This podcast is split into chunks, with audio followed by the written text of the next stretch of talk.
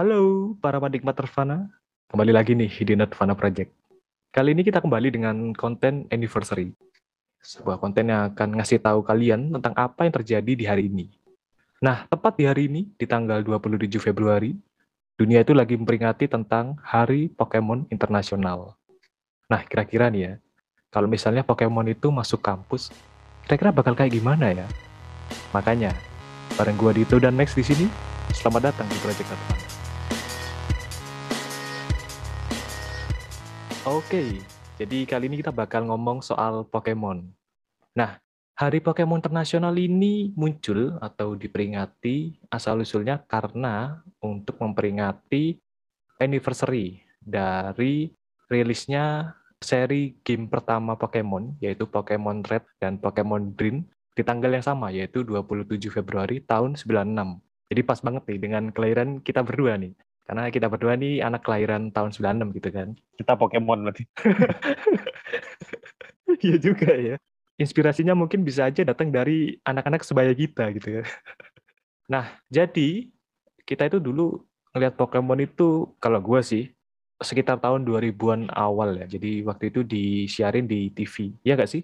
Karena nggak mungkin dong kita Yo, lihat dari betul. internet. Zaman itu belum kan belum zamannya belum ada ya. guys. Iya, belum belum belum masuk ya. Ada pun tapi belum belum mendunia lah kayak sekarang. kalau kalian mungkin yang seumuran dengan kita gitu ya, terus nonton seriesnya atau animenya, kalian pasti tahu dengan si karakter utamanya, yaitu si Satoshi, kalau versi Jepangnya, atau internasionalnya itu si Ash, ya kan? Kalau lu ingat, Satoshi ini, dia itu nggak pernah gede gitu kan, sama kayak Shinchan dan Nobita kali ya. Jadi dari dulu Oh. sampai sekarang, dia ya segitu-gitu aja. Tetap aja, dia kalau nggak salah sekitar umur berapa sih? 10 tahun kayaknya. 10 tahun. Jadi tiap dia ganti season, ya gitu aja, tetap aja nggak ada perkembangan apa-apa. Jadi dia tetap eh, bocah berumur 10 tahun gitu kan. Nah, makanya kali Hmm. ini kira-kira nih kalau si karakter utama kita, si Satoshi atau si Ash ini masuk kuliah gitu ya. Kira-kira nih eh, sifat atau kebiasaan apa yang bakalan membuat kehidupan perkuliahan dia itu lebih apa ya, lebih mudah atau lebih gampang. Karena tahu sendiri kan, kehidupan perkuliahan itu kan kadang banyak kejutannya gitu kan. Nah, kira-kira si Satoshi ini survive-nya itu bakalan kayak gimana berdasarkan dengan series yang pernah kita tonton. Nah, mungkin dari Max dulu sih. Kalau lu ngelihat si Satoshi ini ketika dia masuk Hmm. kuliah ya, kira-kira sifat atau kebiasaan apa yang bisa membuat dia survive di kehidupan perkuliahan? Oke, sejauh yang gue tahu dari terakhir gue ngikutin ada beberapa hal dari si Satoshi atau Ash ini ya yang gue perhatikan. Jadi gue lihat si satu si Satoshi atau Ash ini walaupun jargon Pokemon itu kan gak ada catch 'em all kan. Terjemahannya Tangkap tangkap semuanya. semuanya. Nah, Iya, iya. fun fact-nya adalah dari pertama episode pertama sampai saat ini sebetulnya si Ash atau Satoshi ini dia baru menangkap 80 Pokemon dari total 898. Sekarang bocah Dan- mana yang lu suruh nangkep 800 Pokemon tuh? Nah, itu Gua dia. aja Nah, waktu dari situ main gamenya ya, Ah. kan ini kan ada gamenya kan dia kan berdasarkan game gitu kan. Kan betul objektifnya, goalnya juga sama. Kita harus menangkap semua Pokemon Mm-mm. kan. Itu aja mentok-mentok yang paling tangkap, yang gue tangkap ya biasanya cuma 10. Jadi starter 6, ya sisanya mungkin ya apa kayak pelengkap. Gak ada yang Cadangan. nangkep semua gitu ya. Capek mas. Nah, dari situ gue menyimpulkan bahwa si Satoshi ini orangnya selektif. Oke. dia nggak sembarang kayak lihat Pokemon tangkap lihat Pokemon tangkap jadi kalau gue lihat sih mungkin si Satoshi atau Ash ini orangnya adalah bukan orang yang FOMO Iya iya. iya. dia punya prinsip gitu jadi ketika mungkin dia berkuliah dia tuh nggak cuma asal ikut temennya atau nggak asal pilih jurusan yang ngetop Oke, itu dari awal Gitu. dia udah ini ya, udah bagus ya. Jadi udah punya mindset goals gue ke mana gitu ya. Jadi kan Betul. nggak mungkin tuh, kita kan nggak pernah lihat si Satoshi ini nangkep semua Pokemon enam-enamnya air gitu ya. hmm, Nggak pernah betul tuh, kan pasti kan uh, bervariasi itu kan. sesuai kebutuhan lah nah satu lagi mungkin yang bisa gue ambil keberanian untuk mencoba kan kita tahu nih di Pokemon itu kan ada elemen-elemen atau tipe-tipe kan Iya bener. Nah, pakai avatar lah, ada nah, elemen air. Sama kayak avatar. Dan di gamenya juga kita diberikan chart gitu ya, yang berisi tentang tipe ini tuh efektifnya untuk tipe ini ini ini ini. Misalnya api, gitu. efektifnya untuk misalnya tipe serangga atau tipe rumput, begitu kan. Tapi kalau gue lihat animenya, kadang si Satoshi ini main tabrak aja. Walaupun kadang gue kesel oh, iya benar-benar iya kan? Jadi dia melanggar walaupun Pokemon dia itu Pokemon. nah itu dia. Kalau nggak salah ya gue pernah lihat dia itu dia hmm. pakai Squirtle ngelawannya pakai Charmander. Nah kan salah banget tuh. Kalau menurut ilmu iya, iya. Pokemonan nih kayak api kan jelas dong lemahnya sama air. Tapi dia tuh kayak tabrak aja gitu atau apa pun lawannya gitu selalu akhir-akhirnya dia akan pakai Pikachu gitu. Jadi ya, listrik nggak peduli mau tuh tipe listrik mau lemahnya sama apa kayak dia tetap akan pakai Pikachu gitu. Jadi keberanian dia untuk mencoba itu patut diacungi jempol. Jadi semoga itu bisa menginspirasi juga sih. Mungkin di kuliah dia akan begitu juga. Jadi walaupun dia merasa mungkin ah gue kok nggak bisa sih, tapi dia akan tetap nyoba. Oke. Okay. Iya sih. Kadang gue juga kesel ya. Udah misalnya udah jelas-jelas Pokemon dia lemah gitu ke satu elemen hmm. tertentu. Hmm. Ujungnya tetap aja dikeluarin dan ya somehow tetap bisa menang juga sih. Nah. Walau kadang caranya itu agak nyeleneh gitu loh. Tenalah namanya plot armor. Maksudnya kadang yang tidak bisa kita lakukan di game gitu ya, dia bisa ngelakukan gitu loh. Jadi udah tahu nih Pokemon dia lemah sama air gitu kan. Terus tiba-tiba hmm. Pokemonnya dia bisa gebrak tanah gitu. Jadi kan tanahnya keangkat tuh. Jadi dia bisa pakai tanah itu jadi tameng nah, itu dia. Iya. Terus dia tiba-tiba nyerang dari atas gitu kayak ciluba buar gitu pada akhirnya semua bisa diselesaikan dengan sepuluh ribu volt gitu aja sih. Benar sih. Oke okay, jadi lu itu ya dua itu ya berarti ya hmm. nah, kalau dari gue pribadi sama sih gue juga ada dua gitu yang pertama itu kalau kalian mungkin ngikutin serinya si Satoshi ini, uh, jadi gini, dia itu harus kayak tanding di sebuah gym. Jadi kalau di seriesnya atau animenya, di gamenya juga sih, itu kan ada yang namanya gym kan. Gym itu hmm. intinya lu harus ngalahin pemimpinnya di situ buat uh, mendapatkan suatu rencana untuk masuk ke kayak Champions League gitu kan. Jadi liganya hmm. para uh, juara-juara gitu kan. Nah, Yoi uh, walaupun hmm. terkesannya si Satoshi ini OP banget gitu kan, overpowering banget gitu kan dengan si Pikachu-nya gitu kan. Tapi ada hmm. kalanya hmm. dia kalah. Jadi dia nggak selalu menang terus gitu. Jadi ada kalanya dia pernah kalah gitu. Jelas malu dong, malu, sedih gitu kan, kecewa pasti. Nah, hmm. tapi yang jadi pelajaran buat dia adalah dia berani untuk mengulang lagi. Nah, mungkin itu hmm. juga sama ketika misalnya nih Satoshi kuliah gitu kan. Terus dia nggak sengaja ngambil uh, mata kuliah. Mata kuliah yang susah gitu kan terus akhirnya dapet D bener. Kan pasti yang ngulang lah. Dia pasti malu kecewa itu pasti gitu kan. Tapi gue yakin dia pasti akan ngulang itu lagi karena nggak puas aja gitu kan. Dia pasti ingin memperbaiki hal yang salah kemarin penasaran. Gimana sih kalau uh, akhirnya gue bisa mengalahkan dia gitu kan kalau dalam hal ini hmm. ya mengalahkan mata kuliah itu dapat nilai bagus gitu kan Mungkin hmm. yang bisa gue bilang itu mengulang mata kuliah itu bukan sesuatu yang menakutkan. Oh, ya lu malu, iya, iya, iya. kecewa itu pasti. Namanya mengulang gitu kan. Apalagi ntar ketemu sama yang pasti ada adik tingkat gitu kan. Nama lu paling atas hmm. gitu kan. Dari mengulang itu kan lu kan pasti belajar di kesalahan kan. Kayak gitu. Itu yang pertama sih. Terus yang kedua, yang kedua. lu inget gak kalau di series atau animenya itu si Satoshi ini dia kan pasti dari awal dia perjalanan gitu kan, sampai ke hmm. akhir, hmm. dia kan pasti nggak pernah sendirian tuh. Hmm. Ada aja temennya kan. Biasanya sih timnya ada tiga orang. Nah, hmm. Nah tapi nggak cuma dari itu aja. Jadi biasanya di setiap perjalanannya itu kan dia kan selalu ini sih kayak temenan ke semua orang gitu loh. Kayak dia ya, selalu ada membantu baru. bantu orang lain gitu kan. Hmm. Yang hmm. pada akhirnya ketika dia kesulitan, teman-temannya ini atau orang yang dia kenal ini bantuin dia gitu kan. Nah ini hmm. mungkin kalau di kuliah itu istilahnya itu kalau gue bilang be a friend to all berteman dengan siapa aja gitu loh lu nggak hmm. harus deket kayak deket baik kenal baik karena gue tahu misalnya kalau di angkatan ekonomi kan pasti orangnya banyak tuh 100 ya kan nggak mungkin lu bisa hmm. kenal satu-satu kan nggak nggak mungkin gitu kan tapi at least lu be a friend to them.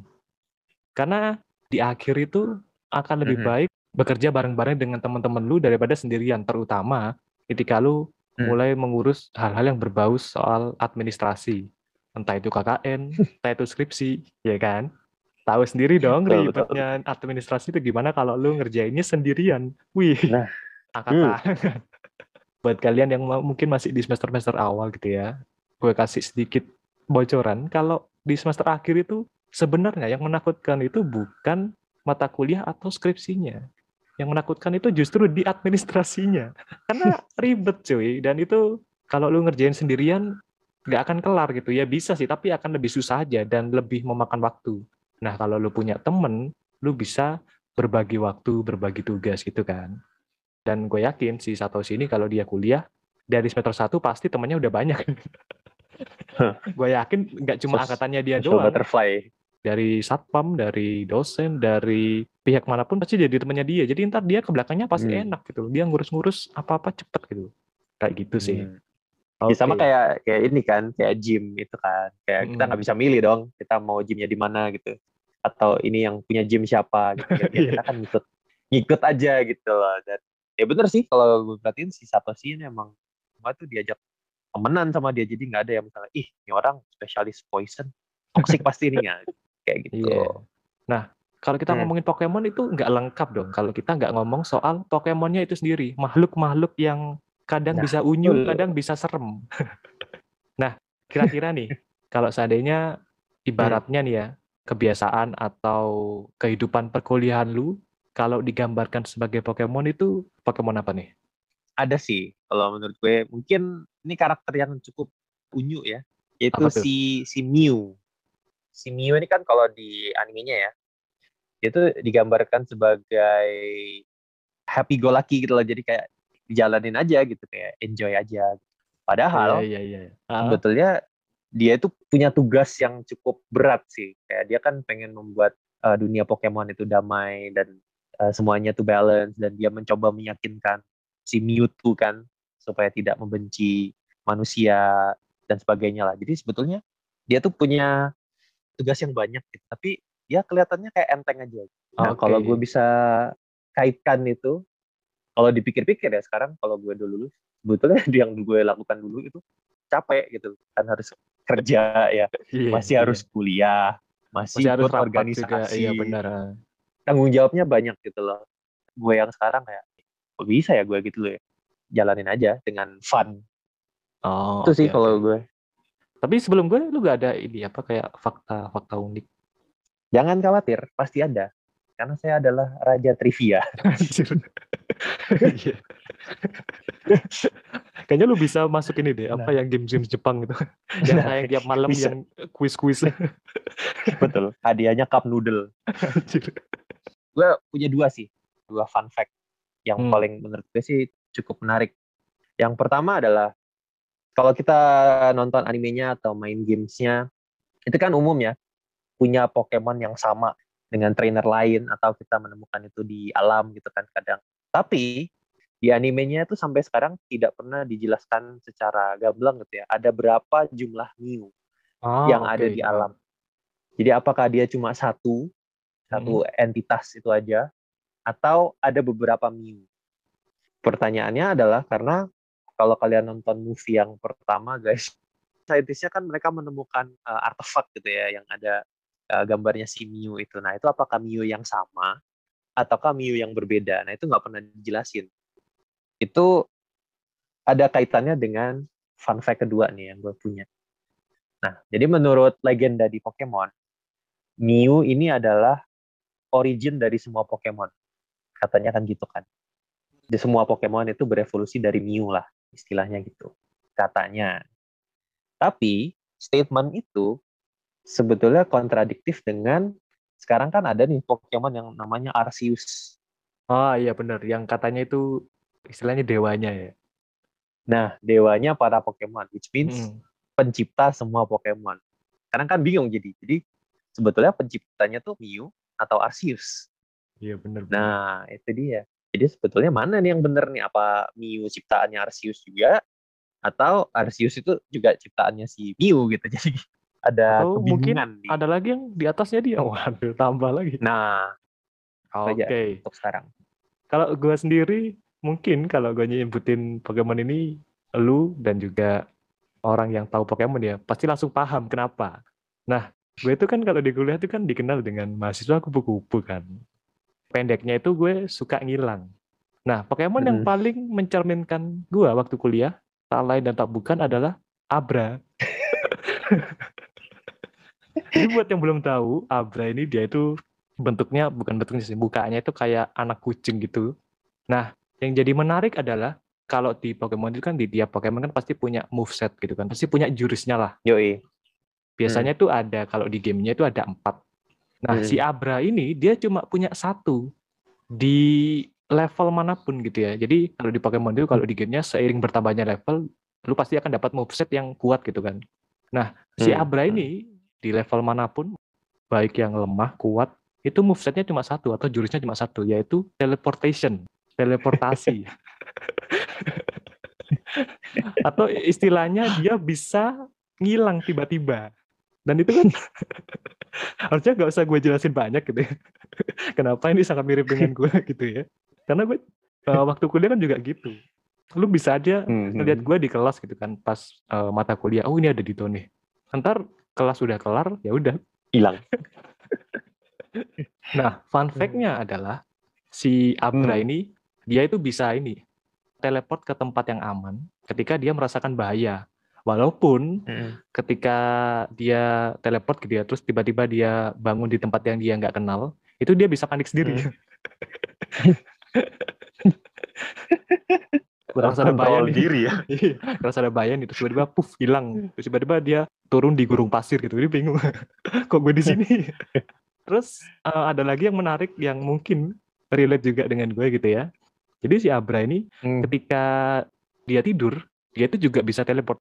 Jadi dia juga bisa pindah Oh. eh, tempat gitu walaupun dia tidur yang gue baca itu dia tidur tuh 18 jam sehari Buset. lucunya adalah kalau dia itu nggak tidur cukup lama gitu ya jadi misalnya dia tidurnya mungkin cuma 10 jam gitu ya nah dia jadi nggak bisa Hmm. ngeluarin powernya dia itu dia jadi nggak bisa teleport Oh gitu. jadi jadi dia harus tidur dulu 18 jam nah itu baru Iya bisa iya iya. iya.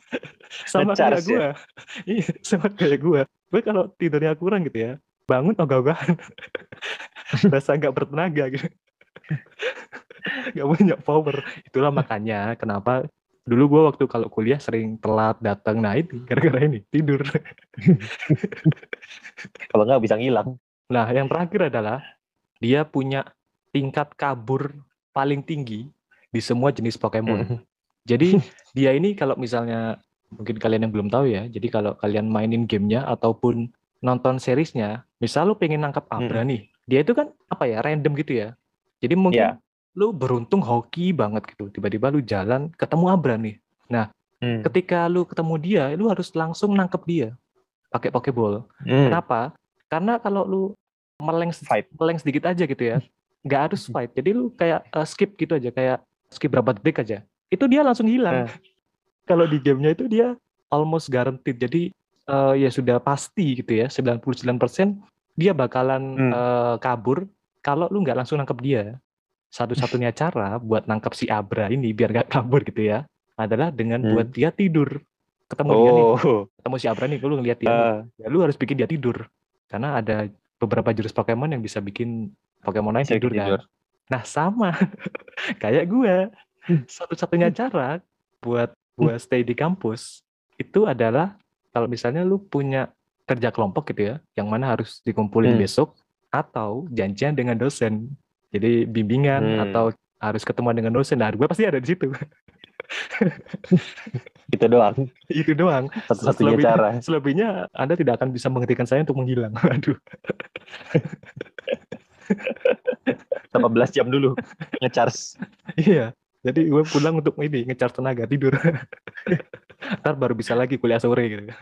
Makanya kan gue selalu ngambil kuliah waktu itu kan selalu ini kan nggak pernah berurutan kan. Jadi selalu ada jedanya gitu kan. Hmm. Jadi habis pagi, ntar siang, habis itu sore. Ya ini tujuannya Hmm. tidur. nah, Absurd yang terakhir gitu ya. Karena kita ngomongin Pokemon, Hmm. udah dari zaman kita dulu waktu mungkin waktu bocah kali waktu SD sampai sekarang pasti kita punya Pokemon favorit kita masing-masing gitu kan. Pasti ada lah ya kan. Tuh, Pokemon pasti favorit. dong. Oke, kalau lu apa nih? Pokemon favorit yang lu suka dari dulu sampai sekarang? Pokemon yang gue favoritin dari dulu sampai sekarang itu juga dari generasi satu. Oke, Bisa nebak lo? Pikachu nih. Aduh, template banget lo. Template lah, enggak lah. Enggak ya. Terlalu mainstream lah. Terlalu mainstream. Iya, iya. Bukan bukan Pikachu. Apa tuh? Yang favorit gue adalah Scyther. Oh, Oke, ya. Untuk yang mungkin nggak pernah denger ya, si Scyther atau Scyther ini adalah Pokemon yang bentuknya dia terinspirasi dari praying mantis atau belalang sembah. Oke. Jadi kalian bisa bayangin lah ya bentuknya kira-kira gimana, warnanya juga hijau gitu. Hmm. Cuma desain kepalanya dia lebih menyerupai uh, reptil kayak naga mungkin ya, naga atau atau lizard gitu ya. Gue suka banget sama dia secara karena warna satu uh, warna favorit gue juga hijau kan, jadi dia warna hijau gitu, wah keren. Desainnya juga ya keren gitu kan, nggak kayak misalnya si apa ya si Snorlax misalnya kan desainnya kayak Woi, woi, woi, banget woi, gitu. Anda Pokemon aja dibeda-bedain, awas, awas. Karena beda ada yang tersinggung. Ada yang tersinggung tar, ntar pecinta Wah Snorlax. ada ada SJW Snorlax ya. ada dong.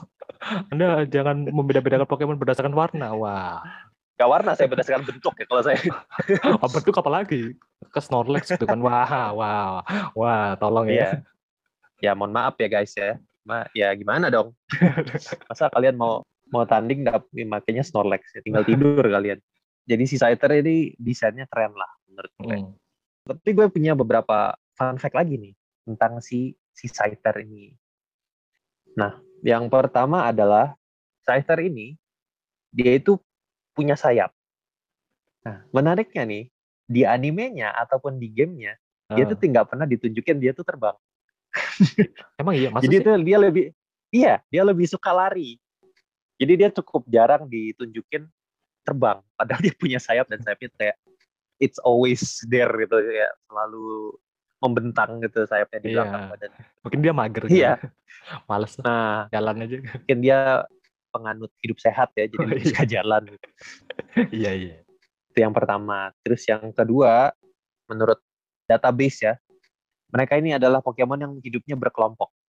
Dan mereka akan ya berburu bersama karena mereka ini Pokemon predator. Nah, itu kedua.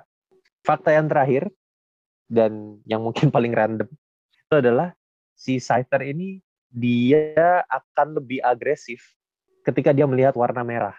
Kayak banteng. Kayak banteng. Apa Kayak banteng. Nah ini gue baru eh, ngeh ketika ingat lagi dulu di episode itu animenya itu diceritanya si Scyther itu mau nyerang terus si Pikachu ini Pikachu ini kan di animenya dia suka saus tomat ya dan kebetulan kan si Ash-nya juga namanya Ash Ketchum gitu hampir kayak kecap Iya benar. ah. Nah di animenya itu si Scyther-nya mau nyerang, si Pikachu-nya nangkis pakai saus tomatnya itu yang dia lagi pegang. Bocor Oh, kan, pecah gitu.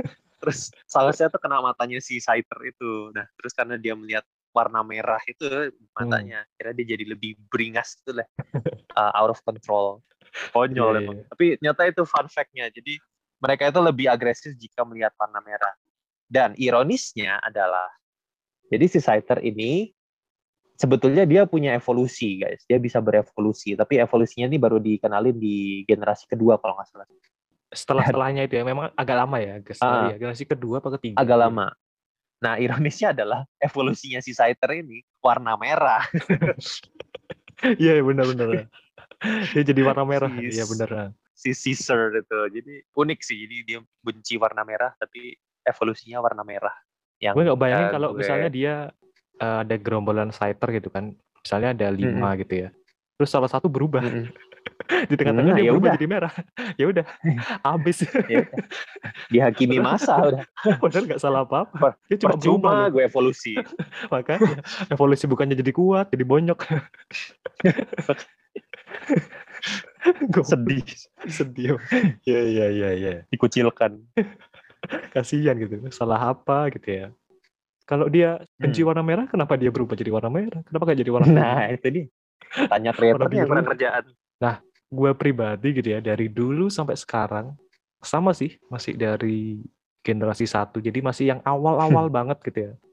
Jadi Pokemon favorit gue adalah ya gue sendiri lah apalagi. Bener Jadi kan? si Lu Dito. lain 96 Pokemon lu. ya makanya. Jadi buat yang belum tahu, di Pokemon itu ada yang namanya Ditto. Hmm. Bentuknya ini yang emang agak kocak dan alasan gue suka Pokemon ini emang bukan karena dia keren, bukan karena dia kuat, tapi karena dia kocak aja. Pertama dari bentuknya gitu ya. Jadi buat kalian Hmm. nggak tahu, bentuknya si Ditto ini dia itu kayak slime gitu. Terus eh, yang Hmm. bikin ikonik itu mukanya. Jadi mukanya itu kayak kayak emoticon senyum yang cuma titik matanya titik dua gitu loh, titik dua terus senyumnya Ah. ya di apa namanya yang cuma garis melengkung gitu, setengah lingkaran. Hmm. Nah kayak gitu. Hmm. Nah tapi kalau lu ngelihat aslinya ya mungkin lu setelah dengerin ini bisa langsung Google. Itu jauh dari kata menyenangkan gitu. Bukannya lebih Kenapa kayak tuh? orang habis mabok. nah si Hmm. Dito ini kasusnya sama kayak si Abra tadi. Jadi dia jurusnya dari level yang paling rendah, yang paling cupu sampai yang paling kuat pun dia cuma satu jurusnya, Hmm. yaitu transform. Betul. Buat yang nggak tahu, jadi si Dito ini dia bisa berubah bentuk ke Mm-mm. bentuk apa yang dia lihat. Jadi misalnya dia lihat Pikachu nih, Hmm. dia jurusnya akan berubah bentuk jadi Pikachu itu. Nah, yang membedakan adalah untuk bedakan yang mana yang Dito, yang mana Pikachu asli, itu dari mukanya. Iya. Jadi ketika dia berubah jadi Pikachu nih, mukanya nggak kayak muka Pikachu, mukanya si Dito itu si kayak orang habis mabok gitu. Dan Hmm. itu nggak cuma bentuknya, jadi dia juga bisa meniru ability-nya juga, dia bisa meniru jurusnya juga. Jadi misal si Pikachu nih, Hmm. dia berubah jadi Pikachu kan. Ya, si Dito ini juga Hmm. bisa mengeluarkan 10.000 volt juga. Dia bisa ngeluarin jurus listrik juga gitu loh. Hmm. Cuma kalau si Dito ini transform atau berubah bentuk eh, berdasarkan ingatannya gitu ya. Jadi dia nggak ada objek di depannya gitu. Jadi lu nyuruh dia berubah jadi Pikachu gitu. Tapi nggak ada Hmm. Pikachu di depan lu gitu. Nah, biasanya bukan gagal sih, berhasil, tapi pasti ada aja yang nyeleneh selain mukanya. Biasanya mungkin warnanya mungkin atau apa gitu. Jadi dia nggak bisa berubah, nggak bisa meniru sesuatu yang tidak ada di depannya. Nah, kocaknya lagi adalah kalau si Dito ini udah berubah, dia tidak akan bisa mempertahankan formnya itu, bentuknya itu, kalau dia ketawa. Nah, kocak? Jadi dia udah berubah jadi Pikachu. Terus dia mungkin Eh. apa gitu, eh, ngelihat sesuatu yang lucu gitu atau apa gitu, dia ketawa. Ya udah, gagal, balik lagi jadi Dito. Ya. Nah, yang terakhir adalah jadi Dito ini kan dia sama kayak Pokemon yang common gitu. Maksudnya dia bukan Pokemon yang cuma satu entitas kayak si Mew yang Max bilang tadi. Hmm. Jadi lu bisa nemuin Hmm. Dito ini banyak gitu ya. Nah, kocaknya Hmm. adalah kalau dia ketemu dengan dirinya sendiri, jadi Dito ketemu Dito tuh misalnya di Hmm. tempat apa pun, di tempat random itu di hutan misalnya. Dia akan mencoba Hmm. untuk transform satu sama lain. Kan goblok Lah. ya. Ngapain? Makanya kan goblok. Ngapain anjir? Apa yang berubah gitu loh. Ngapain? Cukup Ngapain? gabut ya Pokemon satu ini. Makanya. Eh, by the way, mumpung lu bahas Dito juga, gue sebetulnya punya satu fun fact lagi nih yang gue sembunyiin gitu ya. Jadi, seperti di dunia nyata, di Pokemon itu juga ada teori konspirasi. Konspirasinya adalah ada yang bilang kalau si Dito ini itu adalah hasil eksperimen yang gagal untuk mengkloning si Mew. Ah, oke. Iya iya iya. Sekarang semua make sense. Nah. Kenapa mukanya begitu? Nah. Iya. Alasannya Iya, ada ada beberapa nih, ada Hmm, beberapa alasan Apa yang tuh? bikin orang-orang berpikir kayak gitu. Pertama, warnanya. Warnanya Dito apaan? Ya pink gitu kan? Ya pink agak keunguan gitu kan. Iya bener. Pink agak ungu-ungu gitu. ah. Nah, Emang apa Kalau kalian perhatiin si Mew sama Mewtwo, warnanya kayak gitu juga kan. Pink muda gitu kan kalau nggak salah ya? Iya, Iya bener. si. Mewtwo-nya malah lebih persis sih, agak ungu muda violet Iya, iya. gitu kan. Kedua, si Dito ini kan genderless kan. Ah bener. ah. Nah, sama si Mew ini juga genderless. Ya karena cuma satu Betul, ya. di ke dia. Dan satu lagi si skillnya Dito kan meniru kan. Di database ya si Mew ini adalah satu-satunya Pokemon yang bisa memakai semua elemen dan semua skill Jadi dia bisa yang kan ada yang train move, jadi yang dilatih sama ada yang bawaannya kan. Iya, yang dari natural. Pokemon itu sendiri. Ah. Si Mew ini bisa semua. Kalau kita main game atau di di turnamen Pokemon gitu ya, pemakaian si Mew ini di ban, nggak boleh. Iya, karena dia bisa semua ya, karena nggak adil juga. Karena dia bisa punya kelemahan juga. Nah, Nah. jadi Ah. dari situ timbullah spekulasi kalau jangan-jangan jangan gitu. kalau si Dito ini Wah. eh iya, iya. cloningannya si Mew kayak gitu. Ah, oke oke oke. Si Dito ini kan dia pada dasarnya juga bisa semua jurus kan, walaupun itu Nah, meniru. heeh. Tapi dia nggak punya Betul. batasan, dia nggak punya eh, limit gitu ya. Iya iya iya. Ah, Oke oke. Jadi mungkin itu aja yang bisa kami kasih ke kalian soal teori konspirasi konspirasi Pokemon ini. Jadi kita tutup dengan itu aja. Dengan pertanyaan, apakah benar kalau si Dito ini adalah produk gagal dari Mew? Akhir kata dari gua Dito dan Max, selamat malam, selamat beristirahat dan sampai jumpa di episode kita berikutnya. Bye.